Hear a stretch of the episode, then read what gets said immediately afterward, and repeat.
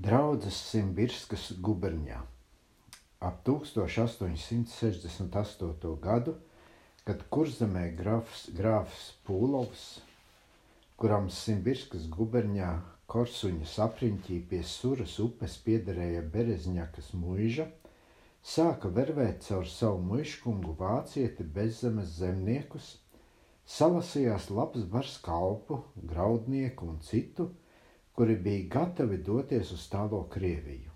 Jelgavā tika noslēgts kontrakts, pēc kura aizbraucēji latvieši dabūna no kunga visu, kas pie dzīves apsākšanas vajadzīgs, un paliek dzīvot uz trešo graudu. Svarīgākais kontrakta punkts Pūlovs solās izgādāt, ka latviešu jaunekļiem nebūs jāiet kara klausībā. Starp atbraucējiem uz Berezņaku atradās 15 baptisti. Tā bija pirmā baptistu draudzīta Simbirskas guberņā. Viņai par priekšnieku bija izvēlēts Jankus Tabaks, saukts Zviedris, kurš ar sludināšanu bija sācis nodarboties jau kurzemē, mazgramstas draudzē. Jankus Tabaks bija dzīvs ticīgais vārdos un darbos, tā kā caur viņa sludināšanu daudzi mantoja pestīšanu. Draudzīte drīz pieauga, Jāzeps Udris darbojās kā kora vadonis, un dziedāšana toreiz ar vienu sasniedza mērķi. Pagāja kādi astoņi gadi. Pūlovs nevarēja izpildīt kontraktu sevišķi, kas zīmējās uz kara klausību. Latvieši arī neizturēja, un gala iznākums bija tas, ka vispirms izcēlās Lutāņi un aizgāja uz Sizraņas apriņķa robežām, Šengeļas apriņķī. Še viņi nodibināja uz kroņa zemes, ko ņēma uz renti par trīs rubļiem deset, desetiņu jaunu koloniju, kuru nosauca pēc kaimiņu Krievu ciema vārda par Cakauni. Pēc gada izcēlās arī baptisti un nodibināja kādas 50 verstis tālāk no Cakalnas, Sizraņas apriņķī, Šemuršas, Šimuršas latviešu koloniju. Berezņakā latvieši neviens nebija nekā iekrājuši, rasi drusku pārtikas līdzekļu un kādus saimniecības piedarumus. Sākumā visi dzīvojuši vai nu pie krieviem, vai arī velēnu būdiņās ar lodziņu durvis, kamēr druski iedzīvojušies un uztaisījuši vajadzīgās ēkas. Pirmie gadi bijuši ļoti grūti, tikai no tā laika, kad čakalnieši un šermušniekiem ar šermušniekiem sarunājušies – un sākuši sēt priekš apkārtējām spirta dedzinātām kartupeļus. Viņi tikuši pie naudas. No tā laika kartupeļu ražošana palikusi vēl līdz šai dienai par latviešu lielāko ienākumu avotu. Šeit nebūs lieki atzīmēt kādus vārdus par latviešu kultūrēlo iespaidu uz apkārtējiem krieviem. Šermušnieku zeme viet vietām ļoti smiltaina un bez mēslošanas nedod nekādu ražu. Pie krieviem dzīvodami viņi bija ievērojuši, ka viņi pavasaros savus mēslus savāc pa kūtīm un aizved uz gravu, lai pavasara plūdi tos aiznes.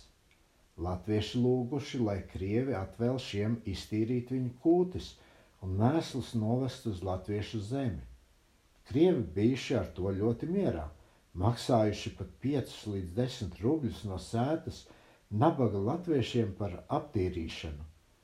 Vasara bijusi ļoti neizdevīga, tā kā krievi nedabūjuši ne sēklu iekult, bet latviešiem caur krievu mēsliem bijusi tāda raža, ka dabūjuši vēl daudz ko pārdot, un kāda ironija - arī tiem pašiem mēslu devējiem. Krievi apķērušies par savu muļķību – un nākošā pavasarī sākuši kā mēģinādamies paši mēslot savus laukus. Latvieši, ja arī vēl kur dabūjuši mēslus, tad klāt vairs neviens nemaksājas, bet trešā pavasarī vairs ne par naudu nav bijis iespējams dabūt mēslus no krieviem. Arī latviešu izturība un cenšanās uz priekšu darījusi savu iespaidu uz krieviem. Bez lauka mēslošanas krievi vēl mācījušies nedzert un nesmēķēt, un labāk uzkopt mājas. Tomēr par žēlumu jāsaka, ka tagadējā latviešu paudze vecajai palikusi pakaļ.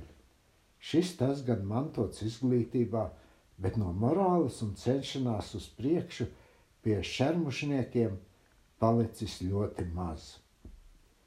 Baptisti Berezņakā un Šermušā skaitījās par ezeres draudzes kurzemē staciju. Tātad garīgā aizbildniecība atradās tālu. Tas bija arī par iemeslu daudziem nepatīkamiem sarežģījumiem. Piemēram, kad pēc Jankus tabaka, ievē, kad pēc Jankus tabaka ievēlēja par sludinātāju Eglentālu iz kurzemes, un draudzītē iznāca ar viņu nesaprašanās, tad lielā tāluma dēļ nevarēja lietas nokārtot vien. Pēc Eglentāla par priekšnieku tika izvēlēts no vietējiem brāļiem Samu, Samuels Česteris, kuru apstiprināja pie valdības – Caur to tad šermuša palika par patstāvīgu draugu. Pagāja atkal 8 līdz 10 gadi, un abās augšā minētās kolonijās notika lielas pārmaiņas. Dzīvākie no šermušniekiem sāka likt galvas kopā un apspriest, vai nevarētu uzmeklēt tuvāku pie apriņķa pilsētas, Sizraņas zemi Tikai izvēlēti Fricis Česteris un Jāzeps Ūdris, lai paceļo un uzzina, kur būtu iespējams dabūt zemi iepirkt par dzimtu. Še kādas trīs verstis no Krievu ciema, 25 verstis no Sizraņas, diezgan jaukā vietā bija dabonama zeme uz iepirkšanu par 25 rubļiem desetiņā. Šermušnieki izlietoja gadījumu, salikās tuliņa astoņas ģimenes kopā un pārcēlās uz Trubečinu. Tā 1887. gadā tika dibināta Trubečinas latviešu kolonija, kurā tagad skaitās 27 māju īpašnieki. Pāris gadu vēlāk, pēc šermušnieku izcelšanās, izcēlās arī daudzi no čakalniešiem, Citi no tiem apmetās uz renti bez Vodovkā, citi Volinsinā, citi aizgāja uz Volgas malu, kur Sarātovas guberņā Voļskas apriņķī dibināja Aleksandrovas koloniju. Daudz nobrauca arī uz Ufas guberņu. Ufas guberņā, tāpat kā Novgorodas guberņā, latviešu kolonisti dzīvo izklaidus atsevišķos ciemos tāpat kā Baltijas, bet Simbirskas guberņā visi pēc krievu parauga ciemos. Piemēram, čakalnieši apmetušies ap kādu lielu dīķi. Dīķim apkārt garinā četrstūrīja ceļš un ceļam gar abām pusēm uztaisītas mājas, aiz mājām saimniecības ēkas un sakņu dārzi. Šermušnieki izstiepuši savu ciemu taisnā līnijā – Gar vienu pusi ceļam mājas ar sakņu dārziem, bet mājām pretī otru pusi ceļa pagrabi, klētis un rījas. Trubečniekiem rījas visas vienā gravas stūrī, bet ciems izstiepts pakauveidīgi gar kādu gravas galu, kurā ietek daudz avotu. Caur Trubečinas nodibināšanu Simbirskas guberņā izcēlās divas baptistu draudzes Šermušu apkopa Samuels Česteris, bet Trubečinu Lapiņš ģibietis. Kad ģibietis aizbrauca uz Liepāju, Trubečina palika zem ķestera apkopšanas, kurš drīz pārcēlās uz dzīvi Trubečinā.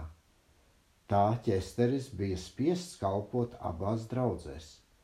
Kad vecuma dēļ ķesteris nespēja savu uzdevumu vairs izpildīt, Trubečnieki aicināja sludinātāju no Baltijas.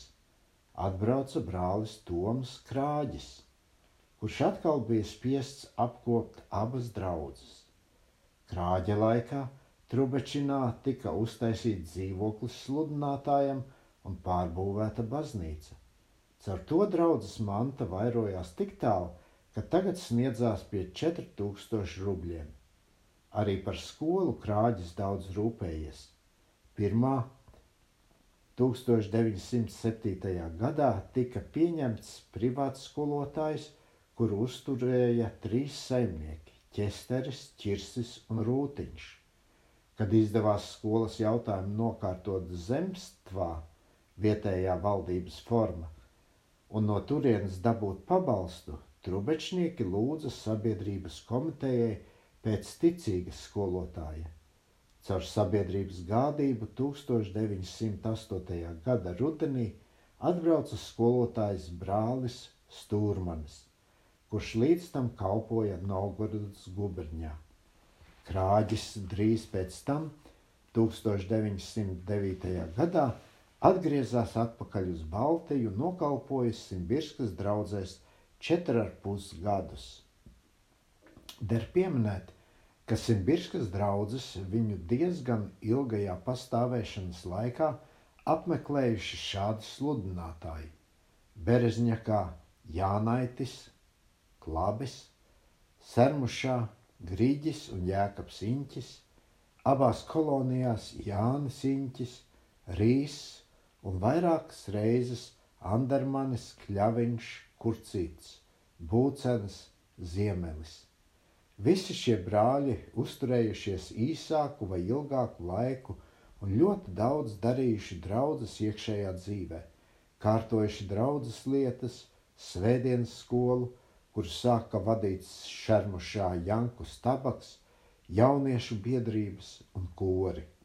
Sevišķi daudz darīt dziedātāju izglītības ziņā – Caur šo viesu gādību arī tas panākts, ka draudzes sūtījušas savus kora vadoņus uz diriģentu kursiem Baltijā, Sudmali un Arāju. No vēlākiem apmeklētājiem būtu jāmin Puķu kalns un Reinvalds. Pēdējais nokalpojis Šermušas draudzē pusotra gada kā skolotājs un sludinātājs.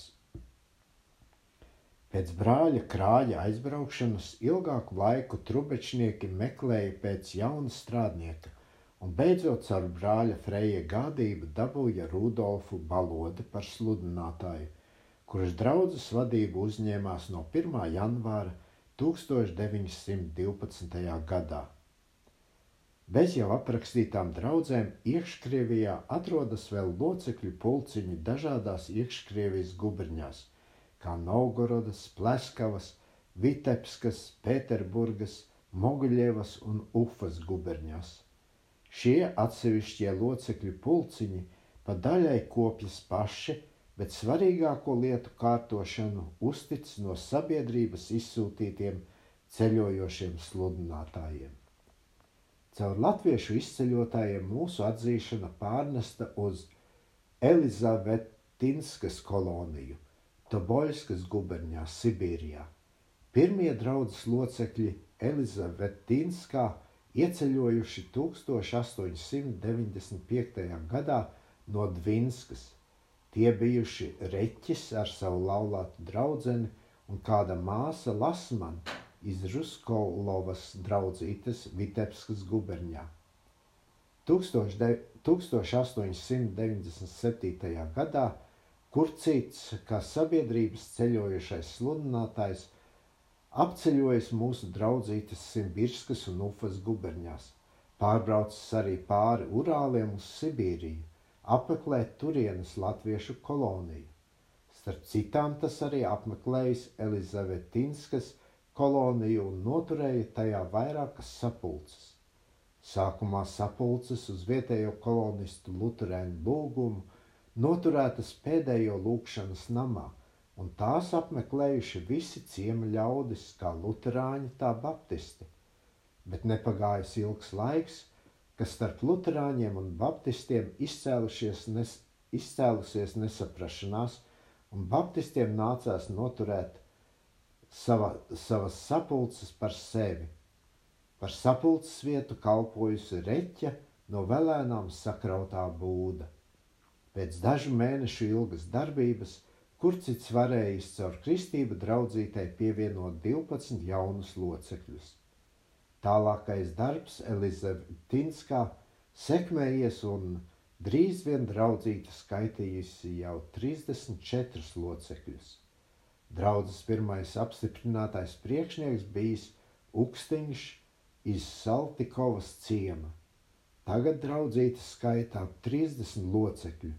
Lielā attāluma dēļ Elizabetinskas brāļus un māsas tikai reti kad var apmeklēt kāds evaņģēlijas strādnieks iz dzimtenes. Pēterburgas draudzene Latviešu baptistu draugu Pēterburgā iesākuši brāļi Jānis Puķe, Edvards Kaimiņš, Jānis Krūmiņš un Jānis Višķers 1895. gadā. Būdami vienādos ieskatos un pārliecībā par Bībeles patiesībām un nesdami Sevī stipru vēlēšanos kalpot tam kungam, šie brāļi bija sākuši noturēt sapulces latviešu valodā, un dēļ telpām bija griezušies ar lūgumu pie vietējās vācu baptistu draudzes sludinātāja brāļa Signeļa. Viņu lūgums ticis ievērots, un tie dabūjuši telpas uz Vodovājas ielas 119. Kā pirmo sludinātāju viņi izredzēja no sava vidus Eduardu Kaimiņu, kurš nokalpoja jaunajai draudzītei divus gadus. Dažu nesaskaņu dēļ ar vācu draugu sludinātāju Signelu kaimiņš tika no sludinātāja vietas atstādināts, un viņa vietā ievēlēja puķi. Paticēju šo pirmo divu gadu laikā grūtais evanģelizācijas darbs pie latviešu tautas maz bija gājis uz priekšu. Jānis Puķa bija par sludinātāju četrus gadus, no 1897. līdz 1901. gadam. Pa šiem gadiem draudzes locekļu skaits caur jaunatgrieztiem un sevišķi caur pieceļojošiem pieaug līdz 45. Svētā vakariņa dalīšana, kristība un protokolu rakstīšana notiek līdz 1901. gadam zem vācu brāļu vadības vācu valodā. Par telpām vāciešiem latvieši noteiktu summu nemaksāja, bet gan kārtīgi piedalījās visos vācu draudzes maksājumos.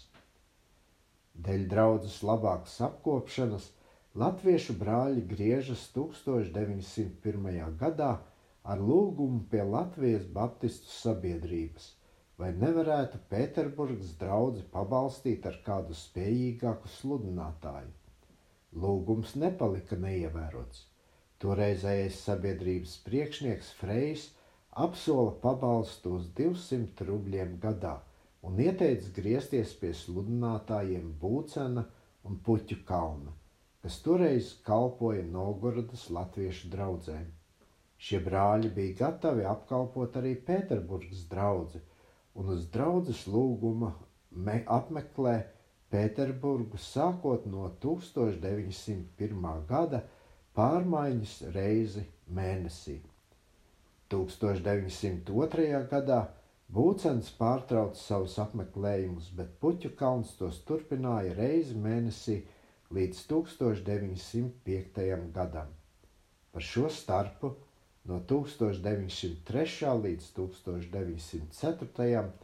Latviešu draugai Pēterburgā kalpo Neibuks, tagadējais Bostonas draugs sludinātājs, kurš ar savu dzīvo darbību vēl vienmēr stāv tuvu Pēterburgas latviešu sirdī. Locekļu skaits 1905. gadā pieaudzis līdz 70. Latviešu draudzene jau nostājusies pilnīgi uz savām kājām. Draudzes stundā no 27. novembra 1905. gadā draudzene uzlūdza par sludinātāju Treimani no Pļusas draudzes Pēterburgas guberņā. Brālis Streimanis labvēlīgi atsaucās uz ielūgumu un kalpo Pēterburgas latviešu baptistu draugai bez maz gadu. Šādu gaitu turpināt latviešu draugi atzina par smagu priekš saviem apstākļiem, un tādēļ izvēlēja pati no sava vidus komiteju, kas rūpētos par draudzes labklāšanos. Atsacīties no sludinātāja piespieda arī tas, ka vācu draudzene paaugstināja nomas naudu par sapulces telpām. Komitejā tika ievēlēti daži spējīgākie brāļi un kā sapulču vadītājs Jānis Saulīts. Tā kā latviešu draudzene bija pa šo laiku gājusi uz priekšu, tās locekļu skaits bija pieaudzis līdz 110 un cēlās nērtības telpu ziņā vienā pajumtē ar vācu baptistiem. Latviešu draudzene 1907. gadā jutās spiesta meklēt pati savas telpas. Piemērotas telpas izdevās atrast uz Demīdovas numur 5 par 40 rubļiem mēnesī. Kā atbildīgo par sapulces telpām, kā arī par pašām sapulcēm, valdības priekšā draudze ievēlēja brāli Pāļķi. Pēc tautības poli šī 1907. gadā uz vairāk kārtēju draudzes lūgumu Pēterburgas Latviešu Baptistu draugzē ierodas Viljams Fetlers. Jauks, cerību pilns pasākums stāvēja latviešu draugai priekšā. Īpaši taiziņā, ka latvieši bija nodomājuši sākt un veicināt arī krievu tautas misionu. Viljams Fetlers ar savām spējām, dedzību un uzstāšanos likās taisni kā radīts priekš šī darba. Krievu misiona gāja čakliem soļiem uz priekšu. Latviešu brāļi un māsas ņēma dalību Krievu sapulcēs, pabalstīdami viņas gan ar dziesmām, gan ar lūkšanām. Latvieši tā bija aizņemti no šī pasākuma, ka ilgāku laiku pat nemaz nenoturēja sapulces latviešu valodā. Pirmos krievu tautības jaunatgrieztos uzņēma latviešu draudzē. 1908. gada beigās Krievu locekļu skaits aizsniedz jau latviešu locekļu skaitu un aiziet tam pat garām. Radās domas par Krievu draudzes apstiprināšanu un reģistrēšanu pie valdības, ko viņa arī dabūja 8. maijā 1909. gadā. Te jāpiemina, ka Pēterburgas Latviešu Baptistu draudzene vēl līdz šim laikam nav no valdības apstiprināta un reģistrēta jo pēc Pēterburgā pastāvošiem likumiem apstiprināšanu dabūt tikai tās sektantu, tam līdz arī baptistu draudzes, kuru locekļi atdalījušies no pareizticības. Vēl abas draudzes turējās kopā zem brāļa Fetlera vadības līdz 1910. gadam. Tā kā Fetlers bija stipri aizņemts no evaņģēlīja darba pie jaunās Krievu draudzes, Latvieši bija spiesti meklēt sev citu sludinātāju. Griezās ar lūgumu pie daudziem - brāļa Dubelzara, Andermaņa, Eihmaņa, bet neviens no viņiem, nevienu no viņiem neizdevās dabūt. Ar Viljama Fetlera ierašanos Pēterburgā misijas darbs, kā jau minēts, sāka iet dūšīgāk uz priekšu. Radās domas par lūkšanas nama būvi Sākās arī pirmie ziedojumi un solījumi priekš pamata kapitāla. Lieta gāja sekmīgi uz priekšu, bet kad 1910. gada sākumā Krievu drauga galīgi atdalījās no latviešu draugas, galvenā vadība kopīga lūkšanas nama būves lietā paliek Krievu draugas vadoņu rokās, kamēr lietas pirmie sācēji un veicinātāji latvieši tiek atstumti pie malas. Solīja gan latviešiem vienu zāli, kad nams tikšot gatavs, bet tagad arī tas aizmirsts. Bet atskatoties uz visu to, latviešiem tomēr nav žēl to upuru un pūļu, ko no viņiem prasīja Krievu misijas un lūkšanas namu būves sākums. To pierāda tas, ka latvieši tagad, 1912. gadā, 5. augustā, sāka atkal turpināt Krievu misiju. Tagad uz Kazačī numur 11 dzīvoklis 33 zem nosaukuma Pirmā Ruska Latvijas Baptiskajā opšana – SPB. Zem šī nosaukuma latviešu draudze domā dabūt arī apstiprināšanu.